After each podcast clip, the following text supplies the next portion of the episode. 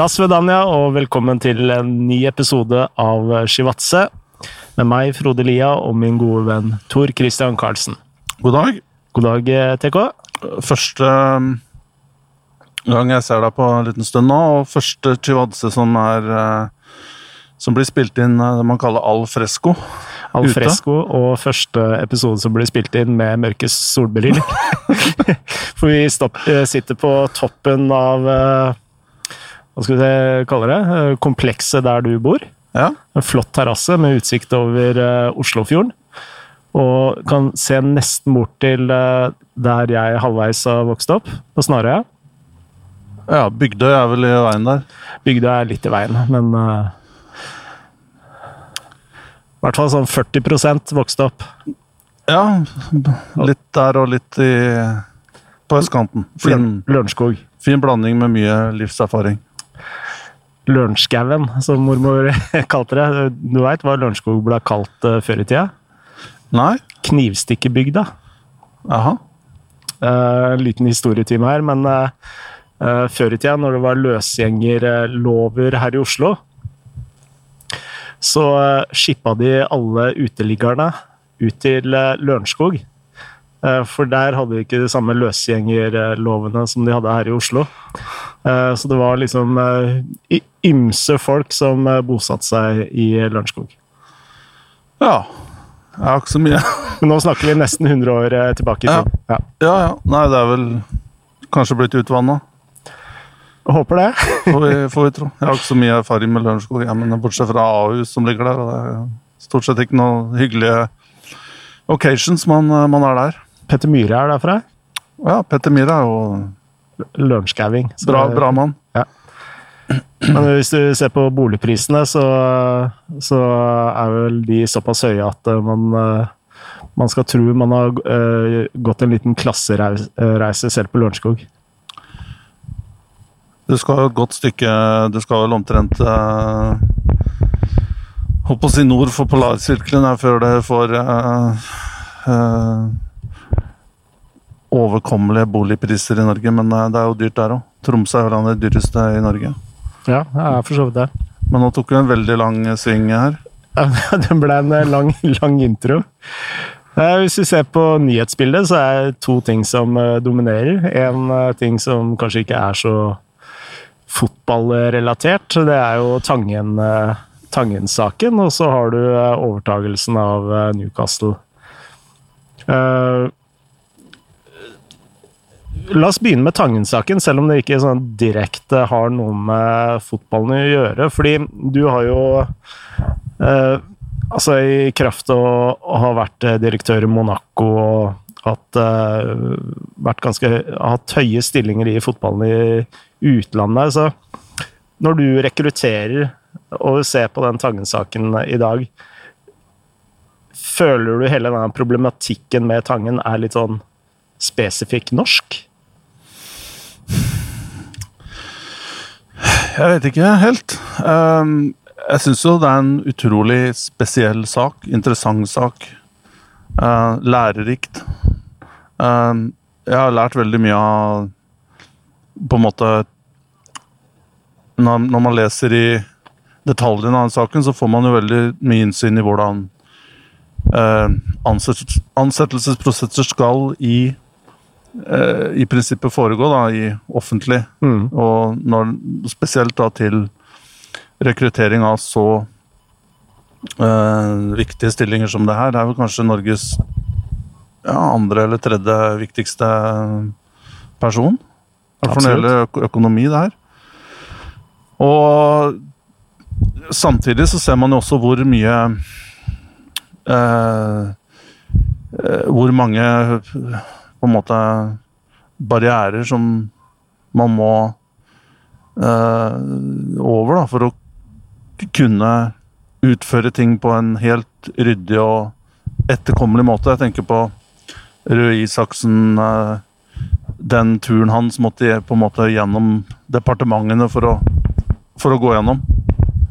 Og for å få et få grønt lys, selv om han allikevel dro, da. Men eh, jeg syns det er utrolig spennende å lære om.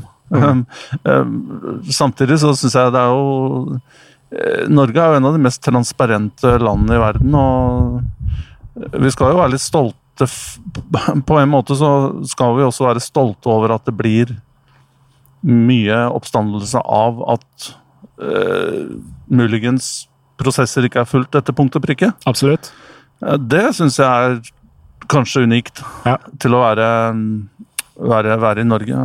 Samtidig så er det andre elementer her som kanskje ikke er så bra. Da. At eh, kanskje de der båndene mellom toppolitikere, eh, regjeringsmedlemmer og finans, Mm. som man ikke har sett kanskje så mye i Norge. Det har ikke vært noen spesiell tradisjon for det. Men, og det, det er jo ikke bra. Og man ser jo også, Nå husker ikke jeg detaljene fra det, men man kan jo se fra andre land hvor det har vært veldig tette forbindelser mellom eh, finanstopper og, og politikere i, i viktige posisjoner, så har man sett at det har skapt mye opprør da, og- hos folket. Man tenker på Island etter finanskrisen. Hvordan bankene fikk holde opp på der med blessing fra, fra politikere, og de ramla jo én etter én. Mm. Ja, og det var jo folkebevegelser omtrent som vippa rensa hele, hele alltinget der. Mm. Så dette er jo veldig liksom, ganske sånn banebrytende sak for norsk samfunnsliv, føler jeg. Så utrolig interessant å ja, bivåne dette her, da. Mm. Jeg leste det brevet, eller e-posten han hadde sendt til eh, Slyngstad. Og uh, det jeg leste, så ble jeg nesten litt sånn imponert over, eh, over Tangen. Altså, hvor, altså, jeg forstår uh, hvorfor han er så suksessfull i det han gjør. Uh, hvor, det, hvor grundig han uh, går til verks, og hvor konkrete spørsmålene hans var med tanke på, på den jobben han kanskje skulle søke på. Så jeg satt med et sånt veldig solid inntrykk av han, da. Eh, uten å måtte kommentere den turen og skatte...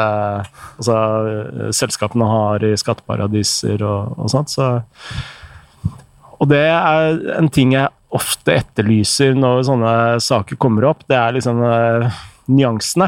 For du ser ofte at øh, man slåss i to leire. da. At man klarer ikke å skille ting fra hverandre. At man enten er på den ene siden og liksom alt er bare bekmørkt, eller alt er liksom fryd og gammen. Og det er liksom politisk venstre mot høyre hele tiden. Mens øh, de interessante tingene her ligger jo litt sånn øh, I midt imellom. Ja, Ja. i sånne detaljene. Bare den e-posten han sender til Slyngstad. Utrolig imponerende. Uh, samtidig, den smøreturen uh, Jeg, jeg synes jo noe av det Jeg må også le på en måte at det er, det er noen sånne små formuleringer der som jeg syns er veldig artige. For eksempel det, det er anledning til å betale selv. Ja. Altså, det er liksom Det ligger så Det er helt greit å ikke gjøre det, men det er greit å gjøre det òg. ja, men, men eh, grunnen til at jeg spør eh, Og så var det en annen ting hvis jeg bare kan så som jeg syns var morsomt i det, pro, eh, det der programmet. Så, over det seminaret så sto det jo også den derre Skal jo ikke eh, gå for dypt inn i dette her, men eh, På slutten av dagen så sto det jo Nightcap in the hotel for those with the stamina. Så, så jeg tenker liksom Det er jo morsomt, men det er jo, liksom, det er jo litt harry òg, da. Det er blodharry. Ja, det er veldig harry det opplegget der, syns jeg, med Sting som på en måte eh, Som jeg sier, jeg vet ikke hvor mange nyrer jeg hadde gitt bort for å slippe unna en intim konsert med Sting. Men det er jo ikke jeg som Og jeg blir vel aldri invitert på noe eh, Og aldri har blitt invitert på noe lignende, Ja, så det er ikke jeg som på, skal har du aldri vært på smøretur? Nei, jeg har aldri eh, vært det, egentlig. Um, de turene som eh, som har kosta mye penger, som jeg har vært med, har jeg tatt i mitt eget firma, så har jeg betalt for det selv. Eller så har, jeg, har klubben som jeg jobba for, da, betalt. Ja.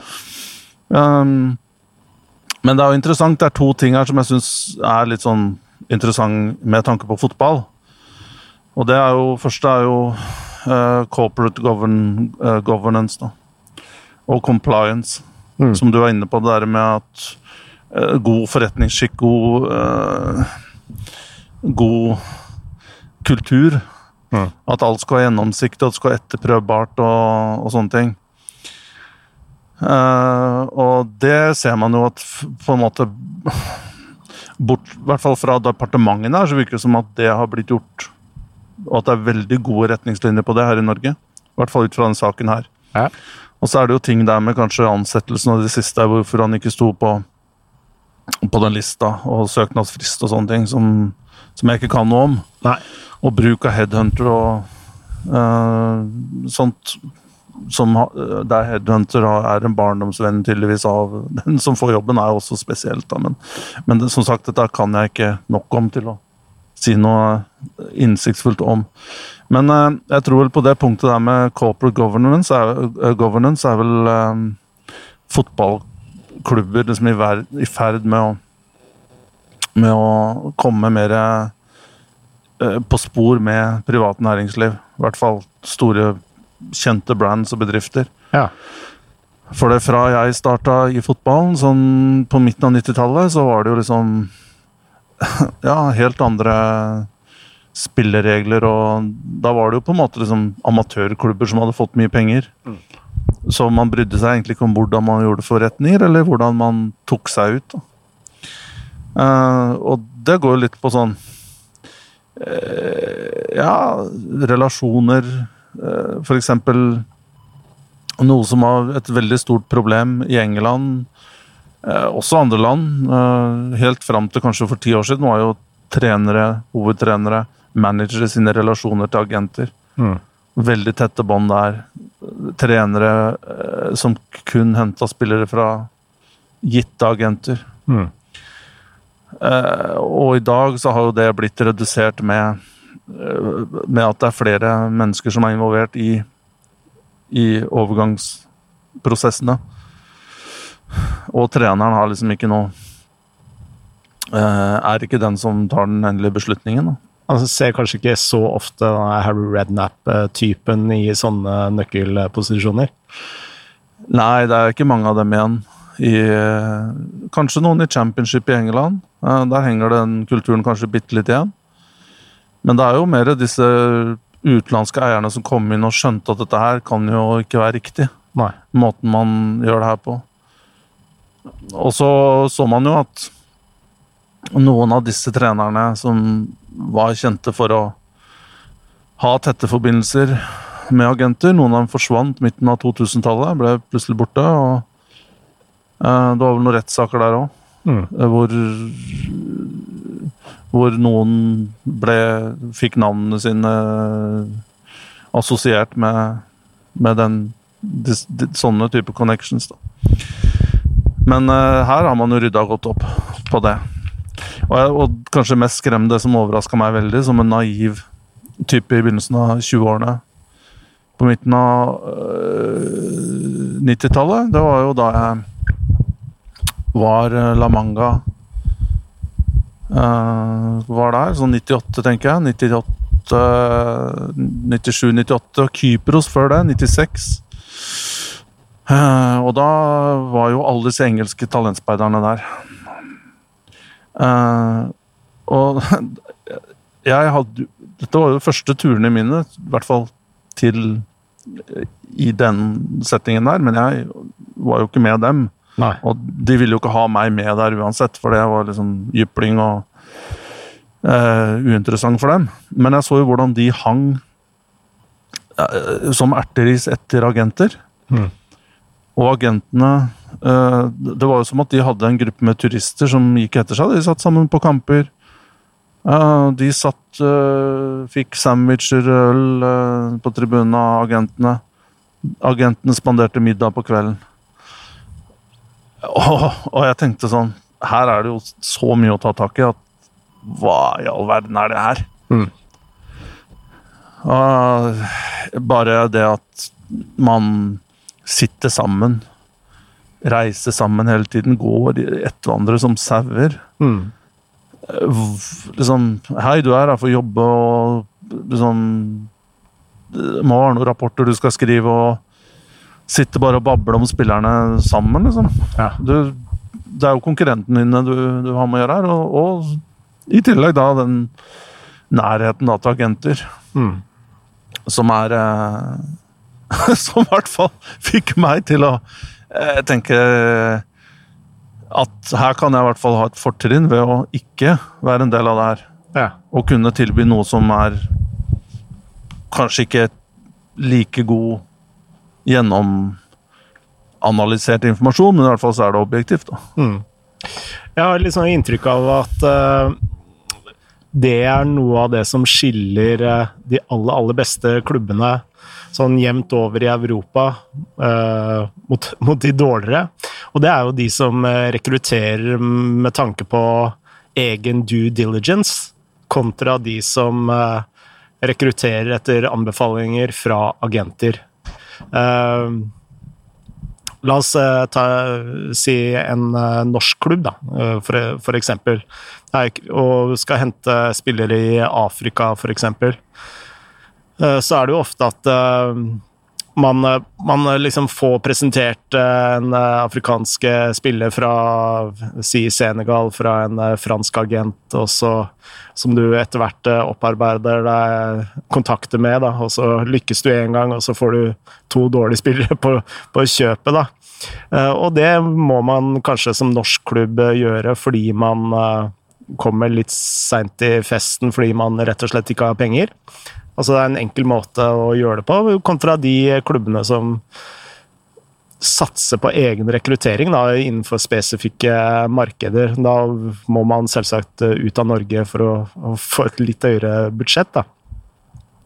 Jeg har besøkt Nigeria selv en gang, og inntrykket mitt er at eh, selv i Nigeria, da, så, så, er det veldig mange spillere som kommer til Norge som er veldig langt ned på, på lista, som er mer spillere som, som uh, man blir presentert for her i Norge, fordi uh, det er de spillerne, de agentene, som faktisk uh, gjør business her i Norge, har tilgang til. Men hvis man selv hadde gått ned og, og gjort et forsøk på å finne spillere selv, da, Eh, men selvsagt, dette er jo utrolig komplekst, og det må jo være en jobb man gjør over mange, mange år, fordi man skal opparbeide seg kontaktnett i det spesifikke landet, si Nigeria eller Ghana eller Senegal. Eller Colombia, for den saks uh, skyld, da. Men det var jo litt av den prosessen man gjennomgikk i, i, England. At man rekrutterte spillere etter eh, anbefalinger fra agenter. og så etter hvert så fikk man egne analyseavdelinger, egne scouter osv. Eller jeg hadde vel uh, scouter selv, men, men uh, altså dette scouting-nettverket som de har fått på plass nå i løpet av de siste årene, er noe helt annet enn det de hadde på 90-tallet og 80-tallet. Ja, det er det helt klart. Og, men uh, jeg tror vel Nigeria er litt Afrika er nok Eh, jeg, jeg, jeg, kjenner det for dårlig. Jeg har jo aldri vært noe særlig i Afrika selv og sett eh, spillere, men jeg vil nok I det tilfellet så forstår jeg jo hvorfor folk her fra Norge har relasjoner til agenter som kan hjelpe dem i, i, i Nigeria. Fordi det er jo Vil jo ta deg et år eller to å opparbeide den kunnskapen som en agent har. Og I tillegg så er det et uoversiktlig farlig land da man skulle komme seg fram. Så det å liksom ha noen som kan hjelpe til her, tror jeg kan være smart. Og I tillegg så er det jo en god del suksesshistorier med spesielt nigerianere hit til Norge. Og uansett, altså øh, har man jo øh, Så jeg syns ikke Fordi budsjettene man jobber med her i Norge, da, så tror jeg ikke det er så enkelt å på en måte få gjort det på noen annen måte. Men her snakker vi om store klubber eh, i, i, eh, i Europa mm. som gikk og, i, i tau bak agenter. Det er nok faktisk fortsatt litt sånn. Men det var en øyeåpner for meg. Og, men Og så vet, vet man jo aldri på en måte hvor dypt dette her. Eh, hva slags konsekvenser det fikk, eller om det ble noe handling og sånn ut av det. Men det, jeg, jeg, tror i hvert fall de som stilte opp der på, i den perioden og, og jobba for engelske klubber, var veldig sånn lett bytte, da. Mm. for, for, agenter. De, du var vel også fra en generasjon som ikke en generasjon av briter som ikke klarte seg i utlandet heller. da. Og selv om dette bare Kypros og Spania, så liksom De kunne jo bare un cerveza, por favor. Ja, ikke sant? Og Så det ble en, at det ble en pakketur, det Da ble det en, liksom en fin greie for agenten, som kunne utnytte det igjen, og så fikk, ble det liksom en sånn win-win, da. Ja. Men det er jo ikke sånn det skal gjøres i det hele tatt. Nei, absolutt ikke. Eh, Når, når vi først eh, snakker om eh, spillerrekruttering, så eh, Jeg så faktisk Moneyball for eh, fjerde gang eller noe sånt eh, eh, i går. Og så eh, leste jeg en artikkel med en fysioterapeut som uh, jobba bl.a. med det tyske landslaget og Dortmund, og har fulgt eh, Roger Smith i eh, Roger Smith, det heter han siden han er tysk. eh, til eh, Kina, blant annet. Han fortalte en uh, veldig god historie om uh, Nui Sahin, som uh, etter at han kom til Dortmund, var i ferd med å bli sjalta ut, fordi de mente han var for treig. Og, og da er vi litt sånn inne på statistikk igjen, og hele Moneyball-prinsippene. Og de så da at eh, på 20 meter var den for treig, på 30 meter var den for treig, 40 meter var den for treig. Eh, men så begynte han eh, fysioterapeuten å gjøre litt sånn analyse på det, og, fant ut at altså de meterne som egentlig betyr noe, i, med tanke på den spillestilen Dortmund hadde, det var jo faktisk de tre første meterne. Og det var noe man kunne forberede Eller forbedre med, med riktig trening og og eh, altså riktig taktisk eh, bruk av eh, sign. Og da gjorde de en del eh, tweaks som eh, faktisk gjorde at han ble jo Tysklands, eller Bundesligas, en av de beste spillerne i Bundesliga. Og jeg tenkte da at det, som slo meg etter den historien, er kanskje for å få altså komme litt videre, da, så må man eh, se på ikke bare Altså når du eh, analyserer en spiller med tanke på Særlig hvis man bare bruker stats, men også med det blotte øyet, så legger man kanskje litt for lite vekt på eh, potensial Altså, det er jo noe man alltid sier som scout. Det er en god scout. Det er noen som kan eh, se potensial og øh, kanskje ikke Kanskje ikke på det nivået spilleren er per i dag. Men øh, kanskje det er der den store edgen egentlig er i fotballen fremover. Det å liksom klare å Ved hjelp av riktig trening øh, Ved hjelp av riktig pedagogiske grep klare å ta spillere fra ett nivå opp to, tre, fire ha- hakk høyere opp. At det er der liksom det er, kanskje en selvfølge, alt det jeg sier, men øh, øh, jeg bare tenkte at øh, det er jo det vi egentlig bør diskutere mer. Hvordan få, få maksimalt ut av hver eneste spiller man øh, scouter eller prøver å rekruttere. Altså se bak tallene. Tallene er bare et sluttprodukt, og, og per i dag, så når øh, vi snakker om Premier League, da, så sitter jo alle, alle lag med akkurat de samme tallmaterialet. Så det er et slags øh, nullsumsspill. Uh, jeg vet ikke, hva tenker du om det? Jeg tenker at uh, du er inne på noe der, og jeg tror tall kan og analytics kan gi deg en edge på eh, kanskje den siste sorteringen eh, av spillere. Altså hvis du sitter med liste på fem, sju, åtte navn, hvor diskusjonen går fram og tilbake, at tall da blir kasta inn i valsen, er jo nyttig. Og da kan man nok vinne mye på en del detaljer man kan eh, extra, extract fra de tallene, eller fra de funnene som gjøres i tallene, at, eh, at, at det kan få en betydning i siste runden. Men samtidig så er du inne på noe viktig, Frode. Det er jo at eh, tall forteller deg bare om fortid. Mm. Og uten at du kjenner spilleren 100 eh, hva slags forfatning han har vært i når da disse tallene har blitt uh, skrevet ned eller blitt registrert. Hvordan han gjør det på trening, hva slags krav du har stilt til den spilleren. Mm. Med tanke på utviklingsplaner og sånne ting. altså Har, har, har det blitt jobba på de tingene, de tingene, de tingene? Det er jo ganske nødvendig å vite, da. For å vite om det er mer potensial her.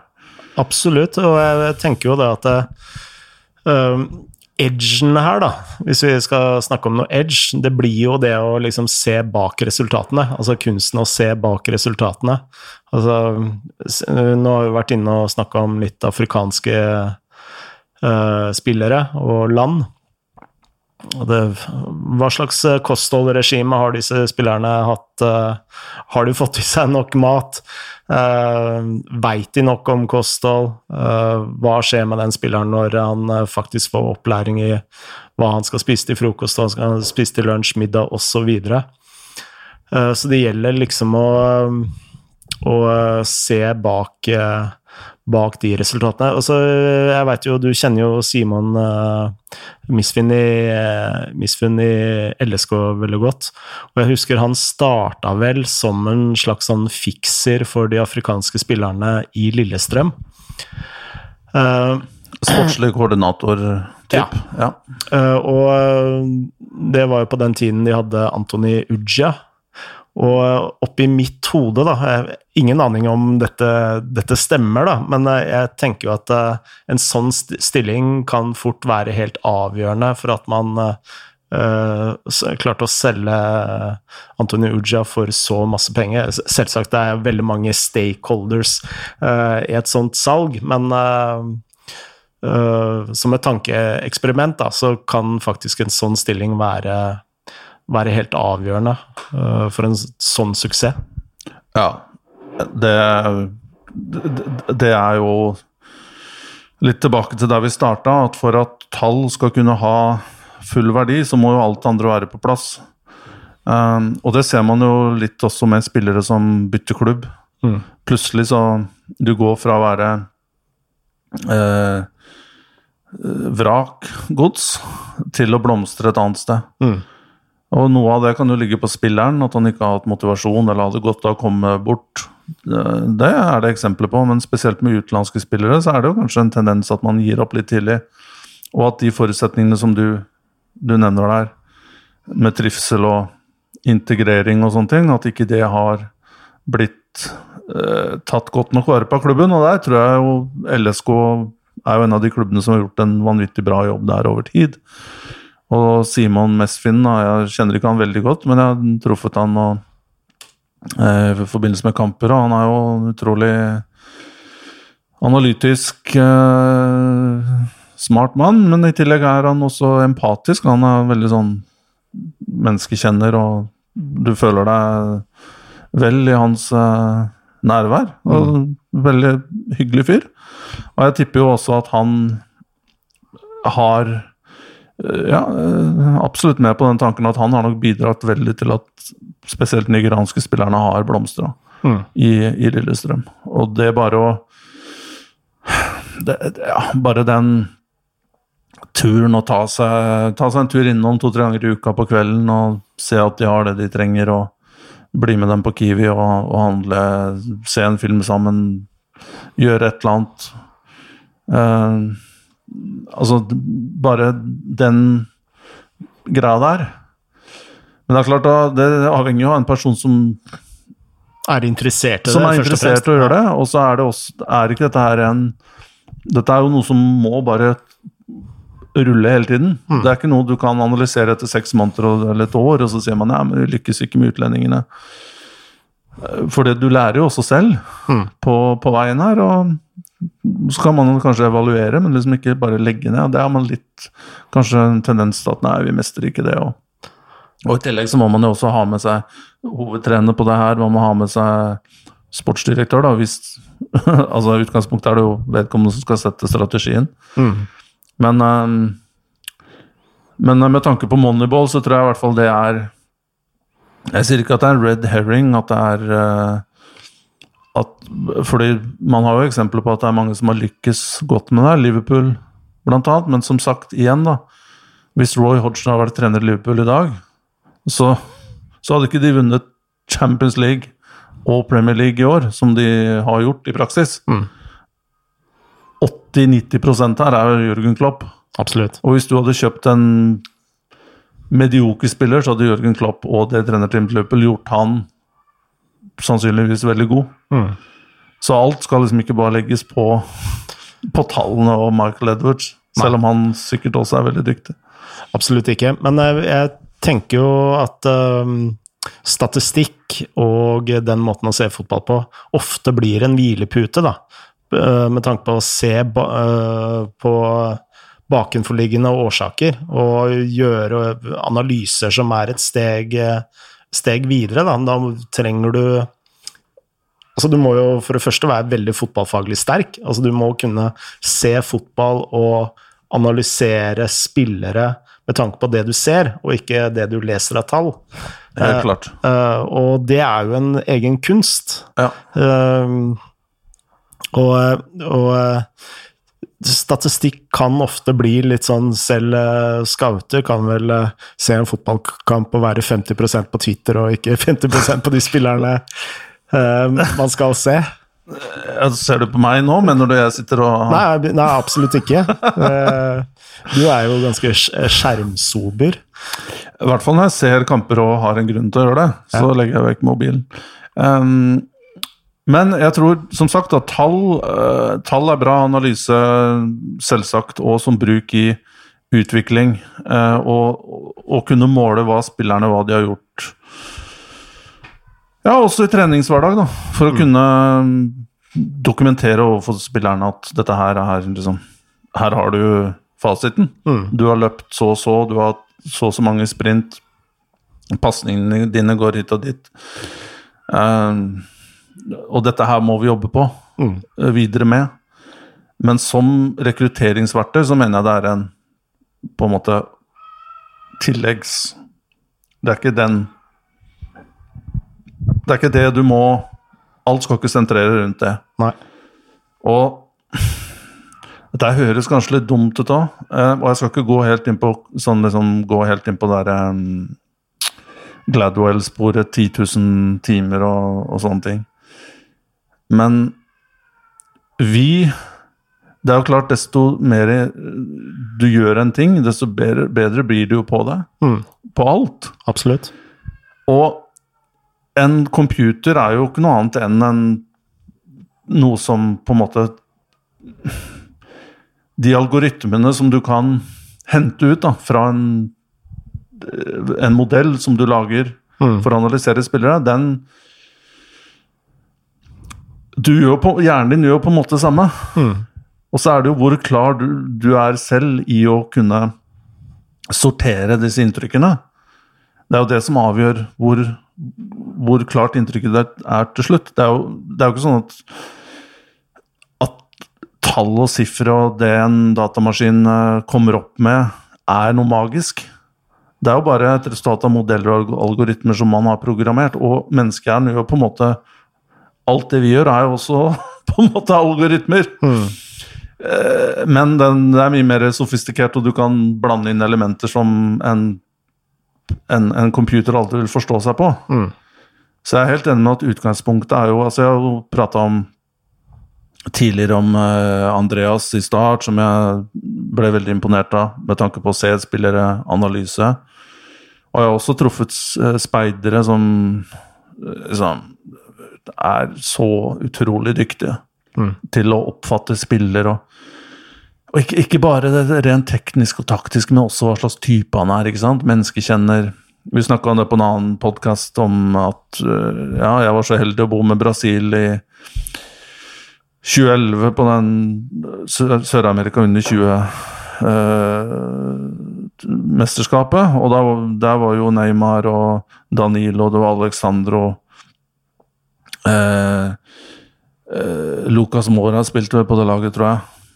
Eh, så det å kunne se dem som gruppe, forstå hvem er sjefen her, hvem er alfamales, på en måte, og hvem er det som liksom er øvre humørspredere. Du, du fikk jo det inntrykket der, ikke sant? Når du kunne jakta dem på nært hold. Og den kunnskapen man også får ut av det, er jo Absolutt. veldig, veldig viktig. Jeg må bare si eh, før vi går videre, før noen eh, slår meg ned Ja, men det du snakker om, er uh, spillerutviklere. Altså, uh, mitt poeng, da, det er eh, hvordan man eh, bruker den kunnskapen eh, eh, i scouting og spillerrekruttering. Ja. Så eh, Oppfattet. Vi må nesten gå litt uh, videre. Vi starta jo med Tangen, men uh, nyhetssak nummer to uh, denne uka er jo Saudi-Arabias og Mohammed bin Salamans overtagelse i Newcastle. Og da har vi fått et eh, spørsmål fra Alex eh, Knutsen, og han eh, lurer på Med mulig overtagelse av Newcastle og skeidige eiere rundt omkring i europeiske klubber som bakteppe, hva kjennetegner gode eiere og klubber med god drift? Handler det ofte om enkeltindivider og deres personligheter, eller vel så mye om kultur, tradisjoner i en gitt klubb?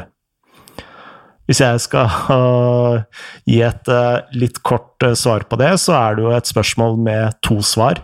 Det er jo begge deler. Uh, hvis, vi har snakka litt om Liverpool. Og det er jo helt åpenbart at de har jo fått en veldig god sportslig struktur på plass. Men også en, altså en, fin, fin struktur med ta tanke på drift og, og alt det rundt. Men uh, spørsmålet er altså hvor mye er uh, hele den strukturen verdt uten Jørgen Klopp? Det er uh, altså Så derfor er det jo et svar med Spørsmål med to svar. Et, et, akkurat det eksempelet med Liverpool tror jeg er kjempeinteressant. Altså det poenget du, du Altså og, og de valgene man har tatt. Og man ser jo etter at FSG kom inn, så har de jo på en måte prøvd Det var litt trial and error der. Um, og de hadde vel en sportsdirektør først. Uh, Komolli? Komolli. Um, som for så vidt gjorde vel en, en ok jobb. altså har jo ikke uh, Syns ikke han har etterlatt seg en, en fryktelig dårlig legacy. Um, men, det, men alt falt jo på en måte Alt kom jo sammen da man henta Klopp. Mm. Og han fikk da uh, Hadde et litt kanskje utfordrende første år, men jeg tror vel heller clouet ligger her, at eierne var fast bestemt på at han Vi skal bygge en struktur rundt han, og vi kjøper visjonen til, til Klopp. Og det var sikkert en visjon som var mer overbevisende enn Comolli sin, da, muligens.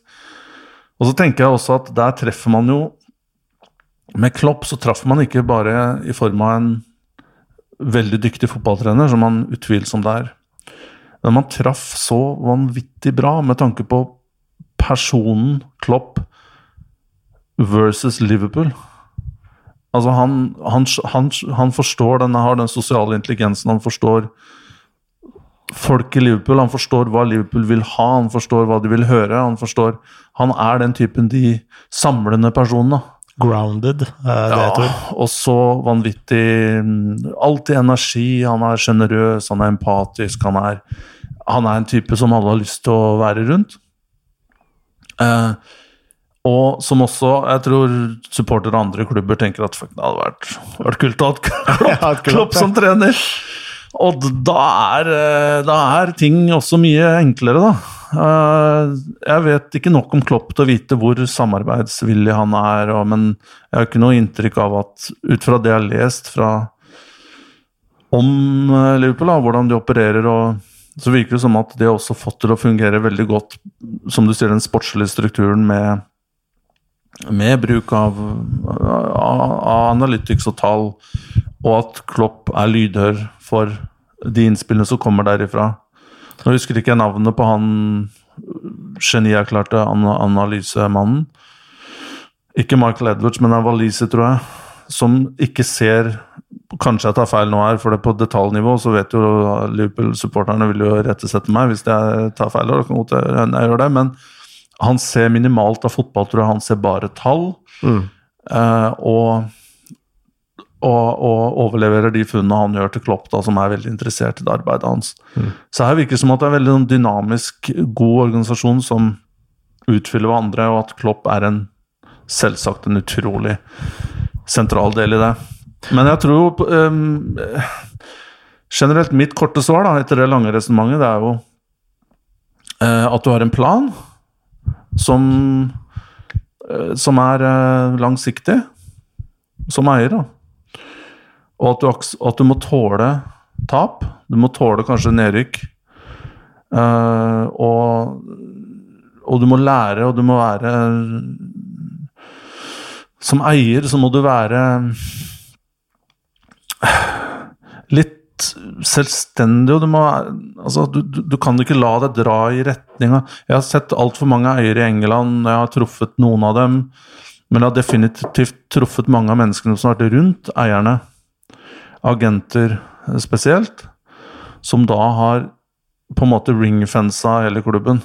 Sånn at ingen andre skal få komme inn der. De, det er de som skal uh, være mellommenn i overgangene. De skal være med å ansette trenere. Det mest ekstreme eksempelet på det var vel Jerome Anderson øh, og Blackburn under den Sam Allardyce-perioden. øh, han kom vel inn med nye eiere fra Jeg husker ikke helt hvor de var fra, om det var disse inderne, eller om det var før. Men han, dette var en agent da, som var mellommann mellom de nye eierne og klubben. Og han, han satte seg jo inn på kontoret og tok over hele klubben. Og sto bak alle overgangene. Og til og med da kasta ut Sam Allardyce. Kanskje det ikke i seg selv var en dårlig idé, men han kasta inn på Jeg husker ikke navnet hans, Steve et eller annet. Som ikke hadde noen meritter i det hele tatt, eh, og ikke har blitt sett siden han ble uh, kasta igjen da, fra Blackburn. Men det var jo tydeligvis da en puppeten til, til denne agenten. Eh, og det er jo ikke måten å gjøre det på. Slalåmkjøring. Det er jo kanskje litt det Everton også har vært gjennom eh, Det de siste årene. alt, altfor mange skikkelser rundt og i bakgrunnen som har egne interesser. Men samtidig så er det også mange av disse personene i bakgrunnen som har introdusert eierne for klubbene. Mm. Så eierne, de, de nye eierne de stoler jo 100% på disse agentene, ikke sant? Mm. Og derfor så er de, de De klarer ikke å håndtere dette her uten agentene som mellomledd. Men det har jo i hvert fall ikke Liverpool. Manchester City har det ikke. Um, så, så de har gått helt andre veier da, for å klare å skape gode organisasjoner, og sikkert også trukket inn en del elementer fra uh, private næringsliv og brukt konsulenter fra store konsulentselskaper og sånn som har kommet og gitt dem råd. Mm. Og det tror jeg faktisk kan være, kan være nyttig òg. Men eh, hvis jeg Altså, det er én egenskap hos managere og trenere som er ganske sjelden, og det er eh, ydmykhet og samarbeidsvillig. samarbeidsvilje. Altså, eh, mitt inntrykk av, er at eh, managere og trenere jevnt over nå generaliserer vi eh, veldig, veldig, da, men eh, det er at de er eh, veldig småkonger, eh, vet alltid best. Men eh, det er jo kanskje også naturlig, i og med at eh, det er jo deres natur Altså, det er jo de som eh, står og faller på, på resultatene, ikke sant, og da vil du jo helst eh, kunne påvirke så mye, mye man kan med tanke på rekruttering og og så videre. Men det som slo meg, største forskjellen mellom Brendan Rodgers og Jørgen Klopp, det handler jo om akkurat dette med ydmykhet og samarbeidsvilje. Jeg husker det var en diger eh, krangel mellom eh, Brendan Rodgers Jeg tror vi har snakka om det før her på, på Shivatse, så jeg skal ta den kjapt. Men eh, det var jo Firmino versus Benteke. Uh, Brendan Rodgers var fast bestemt, han ville ha Benteke. Uh, Liverpool og analyseapparatet der de var fast bestemt på at de ville ha Firmino. Og så blei det en mellomløsning. De henta begge. Uh, og sånn i retrospekt, som er den kanskje den laveste form for intelligens, så, så skjedde jo noe av det samme med med Jørgen Klopp. Altså analyseavdelingen, de ville hente inn Sala, og Jørgen Hvem da? Mohammed Salah. Ja, ok. Ja. Og uh, Jørgen Klopp, han ville ha inn åh, Nå husker jeg ikke hvem det var snakk om. jeg lurer på om den spilleren spiller for Borussia München-Gladbach i dag. Men der, der, ser du igjen, da. Jørgen Klopp, jeg stoler på dere. Vi går for Mohammed Salah. Og der er liksom Du må ha så stor selvtillit for å kunne si noe sånt, da, tenker jeg. Og så når spørsmålet er uh, er det struktur eller er det personlighet, altså enkeltindividers personlighet, så er du er, Man er liksom avhengig, fullstendig avhengig av begge deler, fordi uh, det er disse personlighetene som får strukturen til å fungere. Og det er jo litt sånn noe vi har snakka veldig mye om, at om hvordan organisere en hel eh, liga, f.eks., om 50 eh, pluss 1 eller rene AS-er eller noe sånt, det er faktisk en sekundær eh, diskusjon med tanke på sportslig utvikling, for det er jo det er jo faktisk disse enkeltpersonene som styrer disse klubbene som er helt avgjørende, og da spiller det ikke noen rolle om hva slags eierkonstellasjon du har. For det, det er ikke sånn at uh, man kunne innført 50 pluss 1-regelen i Norge som i Tyskland og sagt nå kommer norsk fotball til å blomstre. Det er ikke, dessverre ikke sånn det fungerer. Nei, og etter kanskje en, eh, en tidlig periode altså det, nå, nå var jo spørsmålet her eh, private eiere, da. Og det er klart, hvis, når, når, du tar over en, en, klubb og det koster mange hundre millioner eh, kroner eller pund, så er det klart at du ønsker jo en viss innflytelse. Men jeg, jeg, jeg, jeg tenker jo på den måten at eh, det, det er mange av de som tar over klubbene, som ikke har forutsetninger til å ha noe innflytelse. Eh, ja, jeg, jeg, kunne tenkt meg La oss si da, nå Saudi-Arabia, Newcastle. La oss bruke det som et eksempel. Mm. Hvis vi går andre veien, at jeg skulle eh, Av en eller annen grunn, noe hadde skrudd seg i hjernen min, så blir jeg totalt på en tur i Saudi-Arabia, eller arabiske halvøy, så blir jeg eh, totalt fiksert av kamelløp. Mm.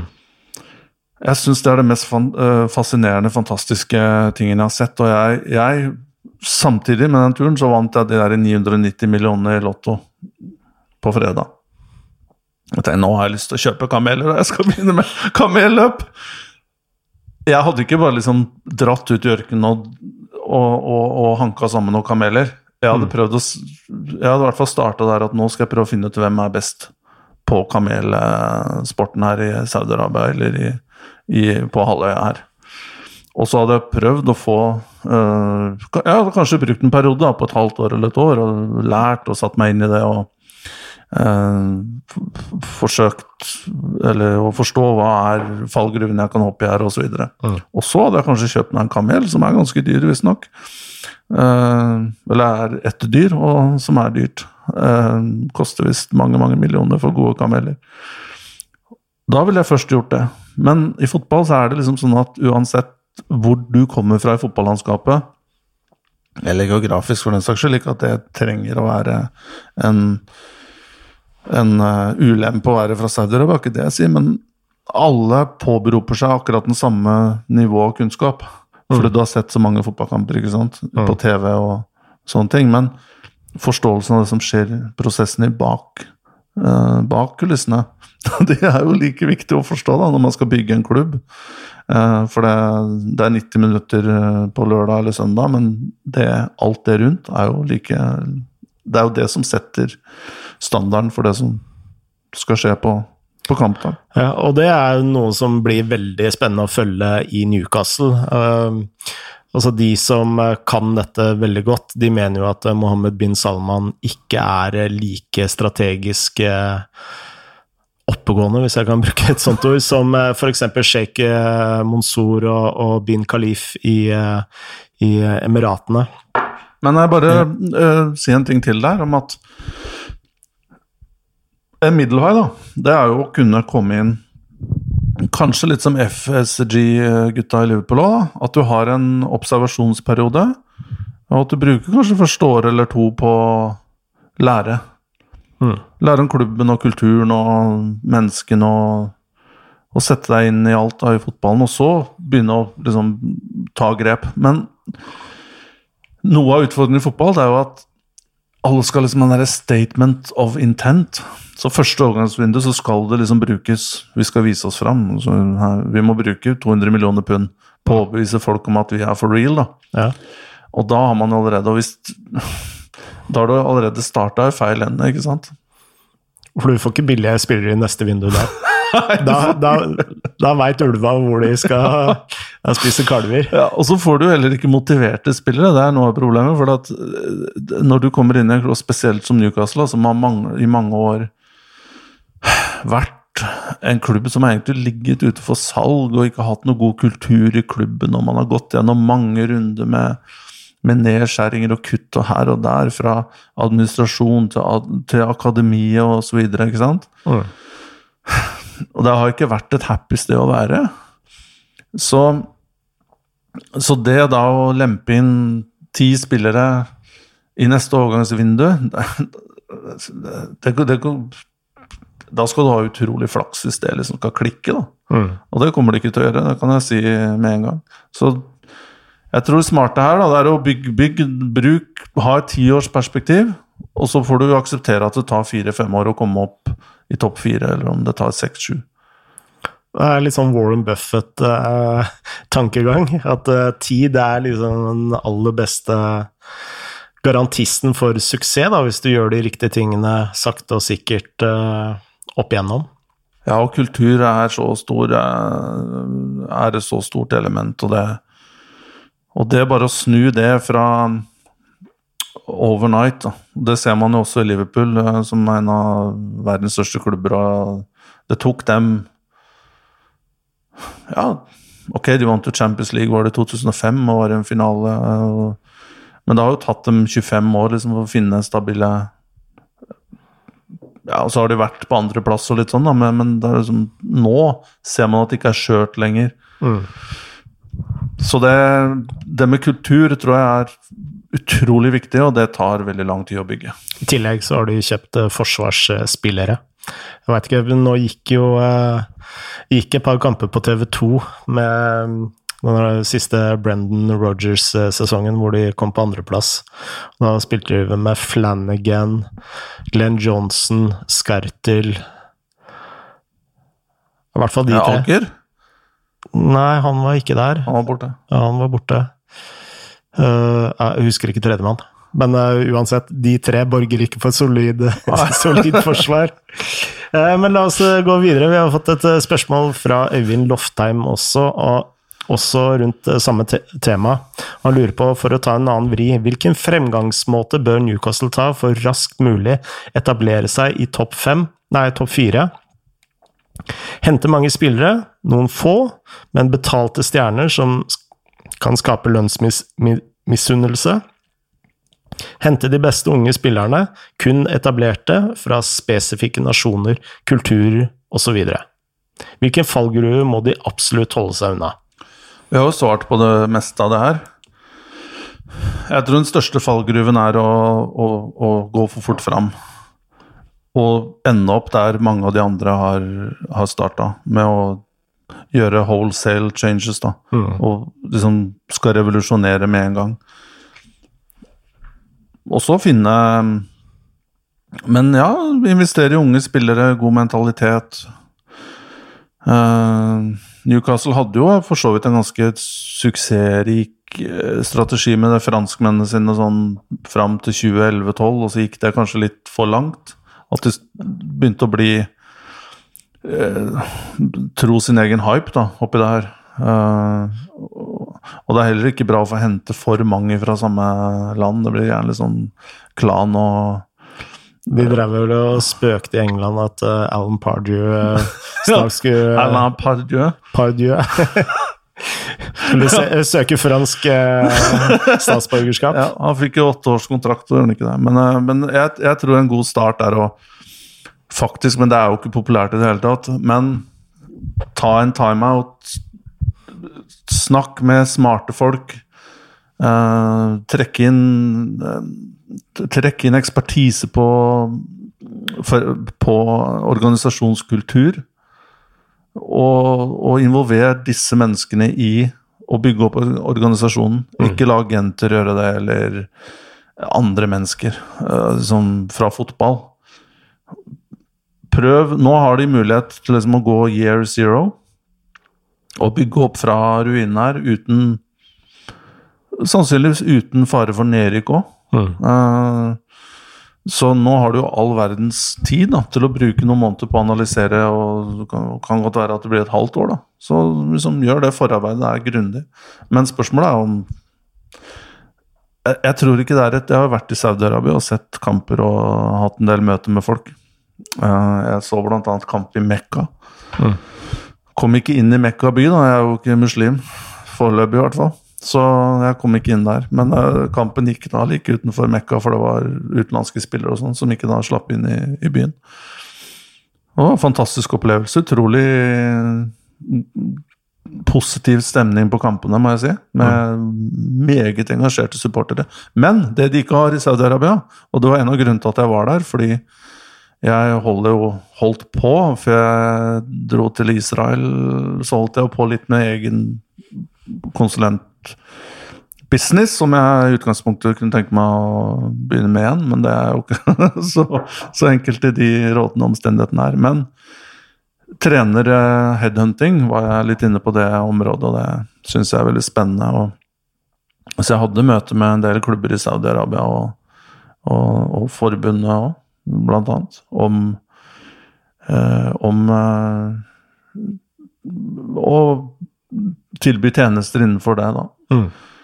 Men, og, og, grunnen til det er jo at det er jo sannsynligvis ikke noe land i verden som har høyere turnover på trenere, da. Jeg lurer på om det er gjennomsnitt på tre, tre per sesong. Tre per sesong? Jeg tror det. Ja. Og det er klart Så spørs det om disse saudiaraberne her forstår liksom at her er det en litt annen kultur, og ting må bygges på en litt annen måte i, i, i Nordøst-England.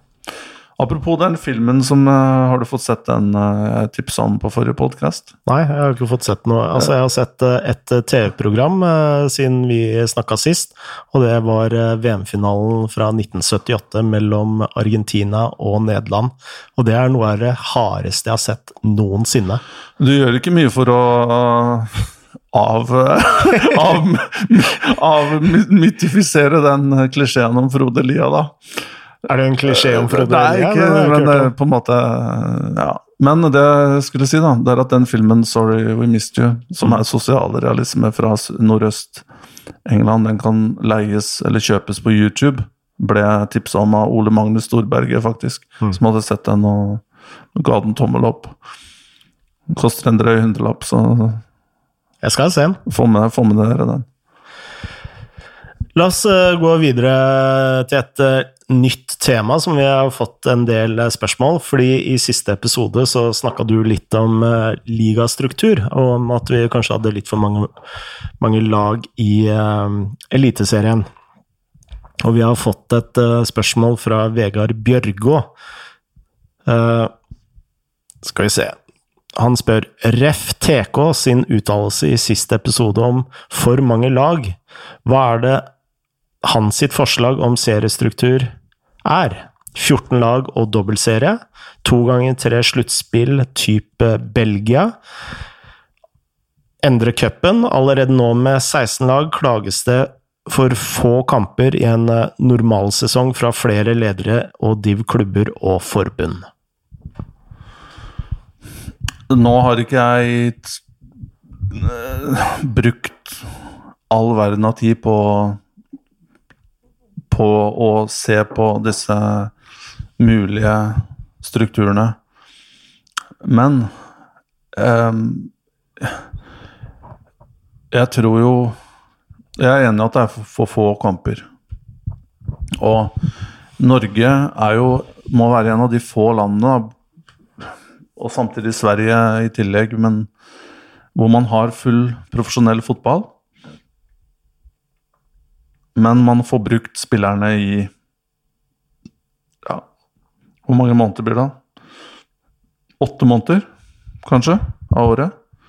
Og så kan du trekke juli vekk òg, da, i tillegg. Så da har du ja, kanskje sju og en halv måned hvor du effektivt får brukt spillerne. Ja. Så litt over et halvår. Men samtidig så har disse spillerne langtidskontrakter. Og når du ikke får brukt spillerne, så får du heller ikke inntekter fra dem. Mm.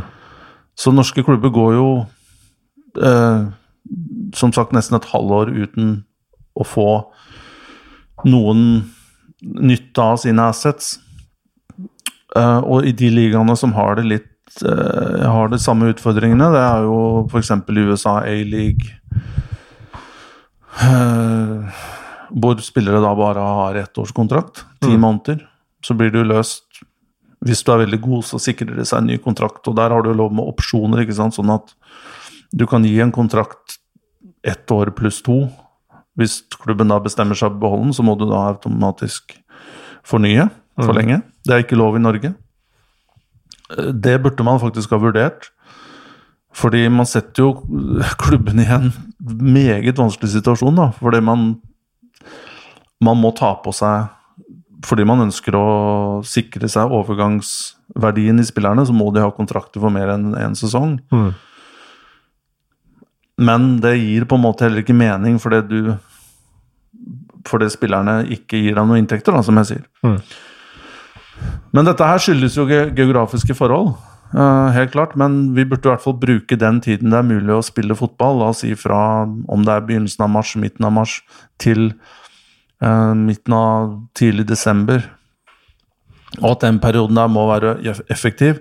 Landslagsopphold, landslagspauser ødelegger noe av flyten i det. Cuprunder og sånn bør noe av det bort, mener jeg. At eliteserielag i hvert fall bør komme inn én eller to kamper seinere.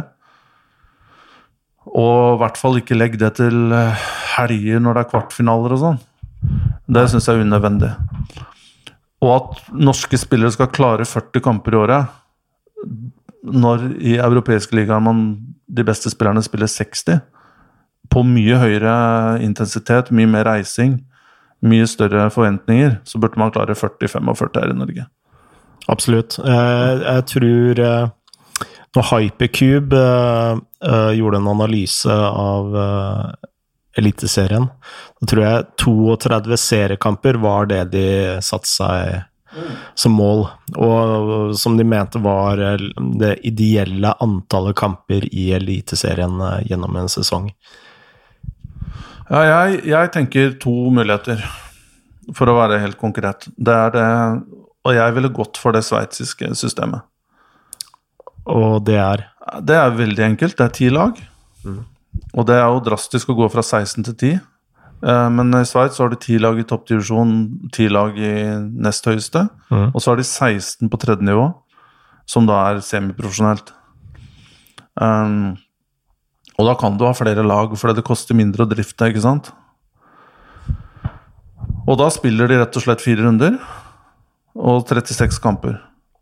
Men eh, nå er det jo Det er jo sant at Sveits er jo et mer komprimert land uh, enn Norge.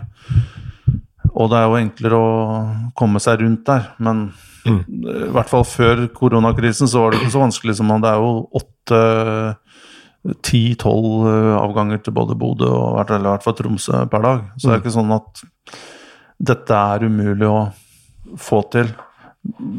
Og så må det man, man også kanskje utarbeide en modell på at noen får subsidiert litt av reisene, sånn at de som har mye høyere reiseutgifter, får komme bedre ut av det, da. Mm. Men jeg tror ti lag ville vært optimalt. Og da spille mot hverandre to ganger, eh, fire ganger. Da har du 36 kamper, og det har de klart i Sveits. Og, og det er gjerne en av de landene som i hvert fall Jeg har vært mye i Sveits og jobba litt der og sånn, og det de gjør der, pleier liksom å være ganske gjennomtenkt, bra, smarte ting. Mm. Bortsett fra Fifa, kanskje. Uh, Eller så har du også den danske modellen, da. Ja. som er 14 lag, og så breaker de opp med Er det seks som spiller om toppen, og så er det to grupper av fire som spiller om nedrykk. Ja. Det er en eh, slags sånn avart av den belgiske modellen. Ja, men litt klarere og Ja. ryddigere. For den belgiske modellen, den skjønte Altså, jeg husker jeg leste gjennom Hypercube-rapporten. Den belgiske modellen, den skjønte jeg ingenting av. Så, men uh, den modellen Hypercube uh, anbefalte, det var eh, tolv lag. Uh, hvor eh, man spilte eh, Altså spilte hjemme-borte én runde, og så delte man ligaen i to. Så de seks øverste lagene da spilte om eh, sin, altså sin egen serie, og de seks eh, nederste lagene spilte da om nedrykk og kvalik og, og det å holde seg. Og det mente de var da den eh, mest optimale løsningen eh, sportslig sett. Og en av årsakene til de mente akkurat det, det er jo at det, det som mangler eh, i Norge, sett fra et sportslig synspunkt, da, eh, fordi denne debatten har jo to deler. altså Den har et publikumsaspekt Ja, og er et, ja, og et sportslig aspekt. Men hvis vi tar det sportslige aspektet, da, så er jo det at eh, topplagene, sånn som sier Rosenborg da, og Molde, de får liksom Når de må møte Mjøndalen for Nå får jeg sikkert uh, ku- kule i posten fra, fra Mjøndalen, men eh, at- ja, men det- det er jo sportslig mer utfordrende at uh, Molde og Rosenborg spiller mot hverandre fire ganger, enn at uh, de må spille mot eh, Mjøndalen da fire ganger. Ja. Uh, eller to ganger hver, hver seg, da. Så, eh, og det argumentet der eh, kjøper jeg jo veldig godt. Eh, Men så har du jo liksom den publikumsdelen, da, eh, som er en helt annen diskusjon. Eh, Så akkurat når, når det kommer til liksom den sportslige delen, så tror jeg Hypercube faktisk naila det ganske bra med den modellen, men jeg, vet, ikke hva du tenker. Nei, jeg har jo for så vidt sagt det jeg tenker. Um, nå jeg kjenner ikke nok til Hypercube og hvor Jeg husker jo det var litt snakk om rapporten, men hvor godt kjenner de Norge og forholdene her, og hvor, hva, hvor kommer de fra, på en måte? Jeg har også vært borti mange konsulentfirmaer og tjenester som har dukka opp, og så har jeg sett liksom det som har blitt levert, og jeg klødd meg i hodet, men det kan jo godt være det er meg det er noe feil med. Men um, 10, det er jo klart at for å gå fra 16 til 10, så er det jo Og selv 16 til 12 er jo et stort Stort uh, sprang. Og og det vil jo bety sesonger hvor kanskje kun ett lag rykker opp. Um, og, og to må ned over, over noen år, da. Og, uh, men uansett, i hvert fall um, Jeg har jo gått og fundert på det her i en del år, og i hvert fall det som kommer nå med koronakrisen, det For meg så virker det i hvert fall logisk at dette er en tid til hvert fall ikke nå midt under eh, at man skal sette seg i møter midt under ep epidemien, men i hvert fall over noen år og se på om man burde gjøre noe med om Er det livsgrunnlag her i Norge til å ha 16 profesjonelle fotballklubber? At ressursene skal spres, TV-penger, medieavtalene skal spres over 16, eller er det bedre liksom å dytte dem inn i, Ja. I 10-12 klubber som faktisk har livsgrunnlag da, til å satse på et nivå som gjør at norsk fotball kan bli bedre? Men samtidig, dette kan du mye mer eh, om enn meg, men eh, på godt og vondt så er jo norsk fotball eh, litt sånn breddestyrt, er det ikke det? Eh, med fotballting og eh, Er det litt sånn at hvis Norge skal gå ned eh, på antall lag i Eliteserien, blir det litt sånn Man har et veldig godt uttrykk på engelsk 'Turkeys voting for Christmas'. Ja, altså det må vedtas på fotballtinget. Eh, Men eh, det som eh, er- litt interessant, da altså Hvis vi tar tak i den rapporten til Hypercube, så, så har jo de mest radikale ideene fra den ra rapporten er jo allerede vedtatt på tinget. Blant annet at man gikk fra fire avdelinger i andredivisjon, altså tredje nivå, til to. Uh, og bare det har jo ført til en enorm uh, heving av kvaliteten på mm, ikke, ikke, bare andredivisjon, men jeg vil også mene at det har også gitt en kvalitetsheving i Obos. Fordi du mister en del av det der stresset. Du får flere yngre spillere inn i Obos, fordi nå er det ikke fire lag som, som må ned. Altså det er færre, så det skaper mindre stress i, i, i ligaen. Uh, og det tenker jeg jo Og det, det, fikk jo ringvirkninger gjennom hele norsk fotball. altså Tredjedivisjon ble mye smalere, fjerdedivisjon ble uh, mye mm. smalere.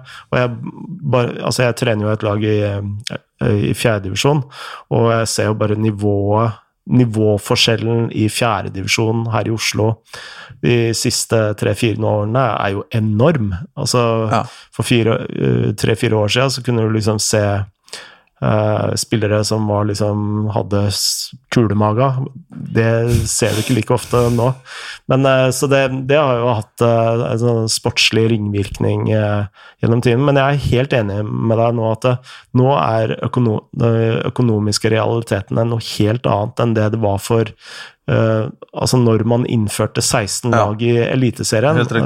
og og det er jo kanskje mer alvorlig sånn hvis man bare uh, snakker om det sportslige aspektet, fordi det å kunne ha heltidsansatte fotballspillere, det er jo helt avgjørende for å liksom kunne konkurrere internasjonalt. Ja. Altså man det er nærmest umulig å konkurrere med altså, svenske, danske, nederlandske lag eh, med semiprofesjonelle spillere. Og da er det jo bare én løsning, og det er jo å gå ned på antall lag, slik at det er færre lag man deler faktisk den eh, pengepotten på. Ja. Eh, så jeg tenker jo at eh, det på et eller annet tidspunkt vil være helt uunngåelig å gå ned på visst antall lag. Men fra et sånt publikumsståsted, da, så er det tenker jeg det er, det er tre ting man må diskutere. og det fotball er jo et veldig sånn tradisjonsbundet uh, Eller uh, Altså, for folk som uh, liker fotball, så er jo tradisjon veldig viktig. Det å, bare det å spille serien hjemme borte og gjøre endringer i bare det, er jo en veldig stor ting. Uh, og du trenger ikke å gå til puritanerne, men jeg tror majoriteten vil syntes det er veldig rart, meg, meg selv inkludert, at uh, man skulle gå inn i et sånt uh, amerikansk sluttspillmodus. Som ja.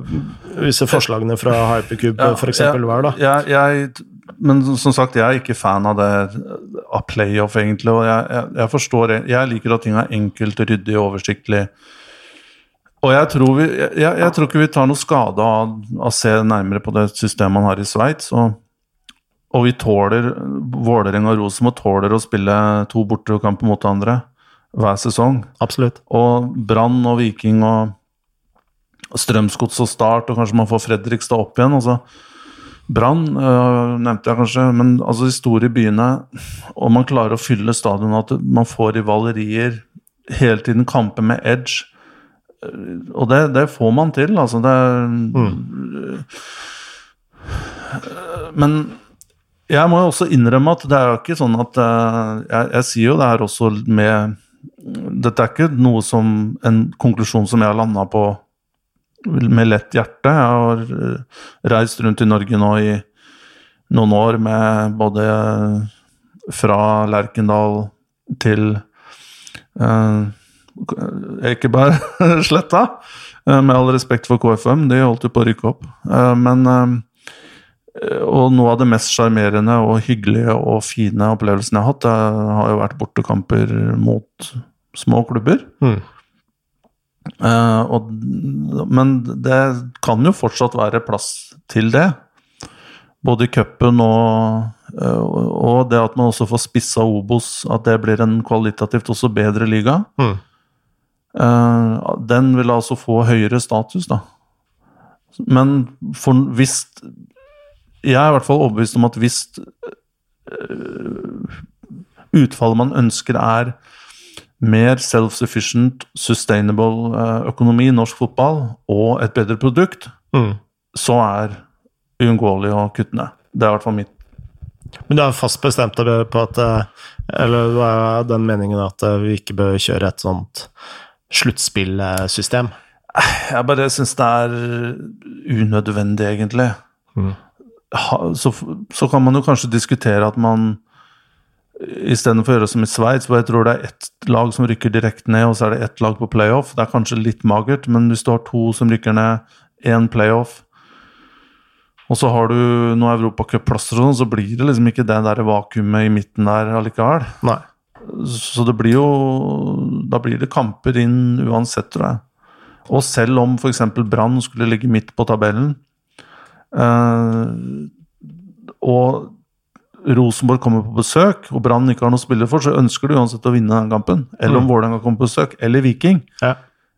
Eller, eh, eller Fredrikstad, da. Altså, eh, hvis de kommer seg opp noen gang. Så liksom Man får kamper mot lag som man ønsker å slå hver eneste gang, om det så er treningskamp. Mm. Men som du sier, hvis Mjøndalen kommer på besøk, ja, du ønsker kanskje å slå dem pga. Gauseth. Men, men det er liksom utenom det, så er det liksom lunkent, da. Det, er, det betyr ikke så mye for folk. Nei.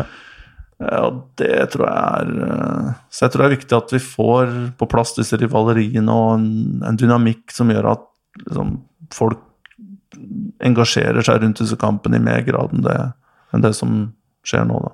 Gauseth engasjerer. Ja, ja, ja, absolutt. Han, han er artig og slår ned reklameplakater og eh, Jeg syns det er moro, jeg. Så alle bør ha en, eh, ha en eh, Gauseth. Det virker som at flere prøver å bli det, i hvert fall. Ok. Når vi er inne på enkeltspillere, så har vi et spørsmål fra Le Krog. Og han lurer på hvilke spillere som har spilt i den norske toppfotballen, mener Carlsen har vært mest undervurdert og har fått minst kred? Ja. um, oi, det kom veldig kjapt på. Nå har jo jeg vært eh, mye i utlandet, så minnene mine om Eliteserien er liksom patchy og opp igjennom. Um, men jeg har jo en forkjærlighet for eh, sentrale midtbanespillere, sånn playmaker-typer. Så en som jeg har liksom, har vært en sånn greie for meg, det er at Runa Kristinsson, som var i Lillestrøm, syns jeg er en av de mest fantastiske spillerne jeg har sett i norsk fotball. Mm. Spilte vel der eh, slutten av 90-tallet. Eh, og jeg har også sagt det tidligere at jeg tror faktisk at han har trent Lillestrøm da, ettertid. Han er vel KR nå i Island. Men det tror jeg er en spiller som var litt sånn uheldig med karrieren. Han spilte i Sverige en del år før han kom til Lillestrøm. Og, men jeg tror da han var på sitt beste, kunne han gått inn i Barcelona og klart seg der. Mm. Med den spillerforståelsen og blikket og mentaliteten og også sånn fysisk lettbent og bare meget fin spiller, men på en måte fikk aldri den derre eh, karrieren Ja, pika litt sent, da, kanskje. Og han spilte jo faktisk i Belgia i mange år, eh, lenge etter eh, Ja, jeg gjorde det. etter han var i Norge. Men eh, en annen spiller, Pontus Farnerud også da, i Stabæk, Stabæk, ja. som egentlig ikke ble prata så mye om, for han var litt i skyggen av Nanskog og, og, og, og Gunnarsson. Mm. Men han syns jeg er også fantastisk. Som er heldig at vi har hatt her i, i Norge, da. Mm.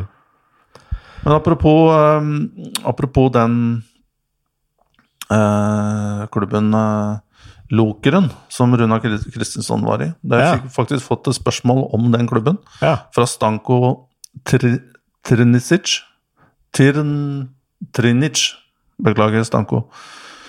Jeg har ikke på meg brillene her, så jeg må beklage at jeg la inn en C for mye der. Men han spør Uh, Han sier hei, Lokeren er en belgisk klubb som gikk konkurs.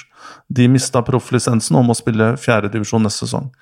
Det samme har skjedd med en rekke klubber, som vi også har snakka om her tidligere på Chivadze. Og kan skje flere av disse under pandemien. Jeg ruller litt på om man har rett til å hente spillere til de klubbene som har gått konkurs nå, eller om du må vente en viss periode før man kan hente de. Vet du noe om det? Jeg tipper han mener om man kan hente spillere fra disse klubbene. Ja. Eh, og han sier også Ja, det er vel det han mener. Så jeg vet ikke om du Ja, eh, svaret på det er jo eh, er jo egentlig ganske enkelt, og det er jo ja. De kan hentes. Altså når klubben går konkurs og man mister profflisensen, så er spillerne fristilt Ja. og kan, eh, kan plukkes opp. ja. Uh, og, eh, men var det sånn før Bossmann? Ved konkurs så tror jeg det var det. Ja. Eh, men altså ikke ved kontraktutgang. Ja. Nei. Da satt spillerne fortsatt på klubbene fortsatt på rettighetene. Ja. Nei, så og, Men man må vel bare vente på neste overgangsvindu her, da. Ja, det, det forutsetter jo at overgangsvinduet er uh, åpent. Ja. Uh, så man kan jo ikke gå midt, midt i en sesong når eh, Men det er jo veldig relevant spørsmål her fra Stanko, fordi dette er vel Jeg har faktisk snakka med noen scouts eh, fra på en måte middels klubber i Europa, andredivisjon i større land og sånn, og de jobber jo nå med å kartlegge klubber som har dårlig økonomi og som har gått konkurs, og liksom prioriterer spillere fra de klubbene for å se om de kan ja. gå inn og, og hente jo, bargains. jeg vil jo tro at England er et eh, land å følge med akkurat nå. Eh, Hvis man ser på Championship, eh, League One og League Two, så ser jeg mye nå i engelsk presse at man er veldig desperate etter etter eh, krisepakker fra engelske regjeringen. Altså du, bare i Champions, eh, Championship så er det jo flere klubber som har eh, De har faktisk lønnsbudsjett som er over 100% av inntektene sine, altså revenue. Jeg tror det er langt opp på 100-tallet òg. Ja, absolutt. Og det samme i League One, League Two osv. Uh, så hvis eh, serien ikke der kommer i gang snart, eller at uh, krisepaktene er tilstrekkelig, så vil jo de gå dundrende konkurs. Og i England så er det ikke sånn som det har vært i, Italia, hvor si Juventus og Roma, hvor spillerne har frasatt seg fire-fem mån måneder med lønn. Der snakker vi om 10% 20% osv. Ja. Så i England, der kan det bli brutalt. Ja, jeg, jeg tror det. Og spesielt da championship, hvor de fleste klubbene eies av utlendinger Mm. som har kjøpt seg inn i klubbene for å chase Premier League, Mm. den store gullfuglen. Um, og så ser man at hvor mye usikkerhet det er rundt faktisk Premier League, TV-avtalene, eh, det vi ikke har snakka om. altså Man ser jo f.eks. i Frankrike så har jo Bien, tror jeg, og, og Dazon eh, også, de har slutta å betale penger. Ja. Og, d- og Dazon er jo nesten sånn Uber-opplegg. eh, Er jo bare en app, eh, har liten organisasjon. Eh, Den forgjengeren gikk vel også konkurs, jeg husker ikke helt navnet, eh, om hva den het. Men eh, det er jo også en stor Kanskje ikke byen går konkurs, da, det er jo støtta kameratene dine i Qatar. Mm. Eh, Så de klarer seg nok, men den lysten til å ta over en, eh, en championship-klubb som drives da, som du sier, med hvor all omsetning, eller alle inntekter, da, pluss mer, går til spillelønninger. Eh, Når den store, når det faktisk er usikkerhet om den store premien faktisk kommer til fortsatt å være der med de TV TV-pengene, Mm. så er det klart at den appetitten, den synker.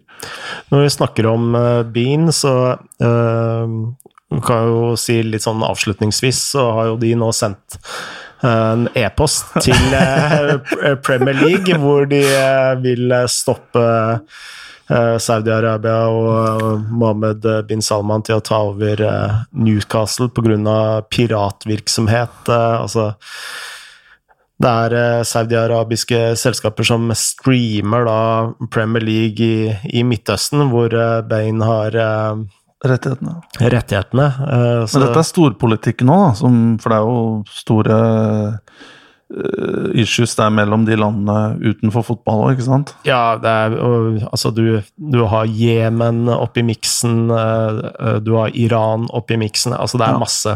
Altfor mye til at eh, vi Men Qatar så vel her et snitt til liksom å på en måte stikke en kniv inn i, eller kjepper inn i det Ja. hjulet til saudi-araberne. Absolutt. Absolutt. Så eh, Det er dirty game det her, Frode.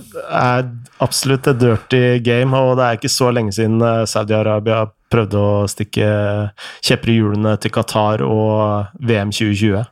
Bare det ikke stikker noen kjepper i de der eh, kamelplanene mine, da. Nei. Så er jeg fornøyd. Uh, skal vi uh, uh, si adjø og takk for nå? La oss gjøre det. Og takk for at dere lytta. Det er vel to timer nå, tipper jeg. Noe sånt noe. Das var Dania. Moderne media.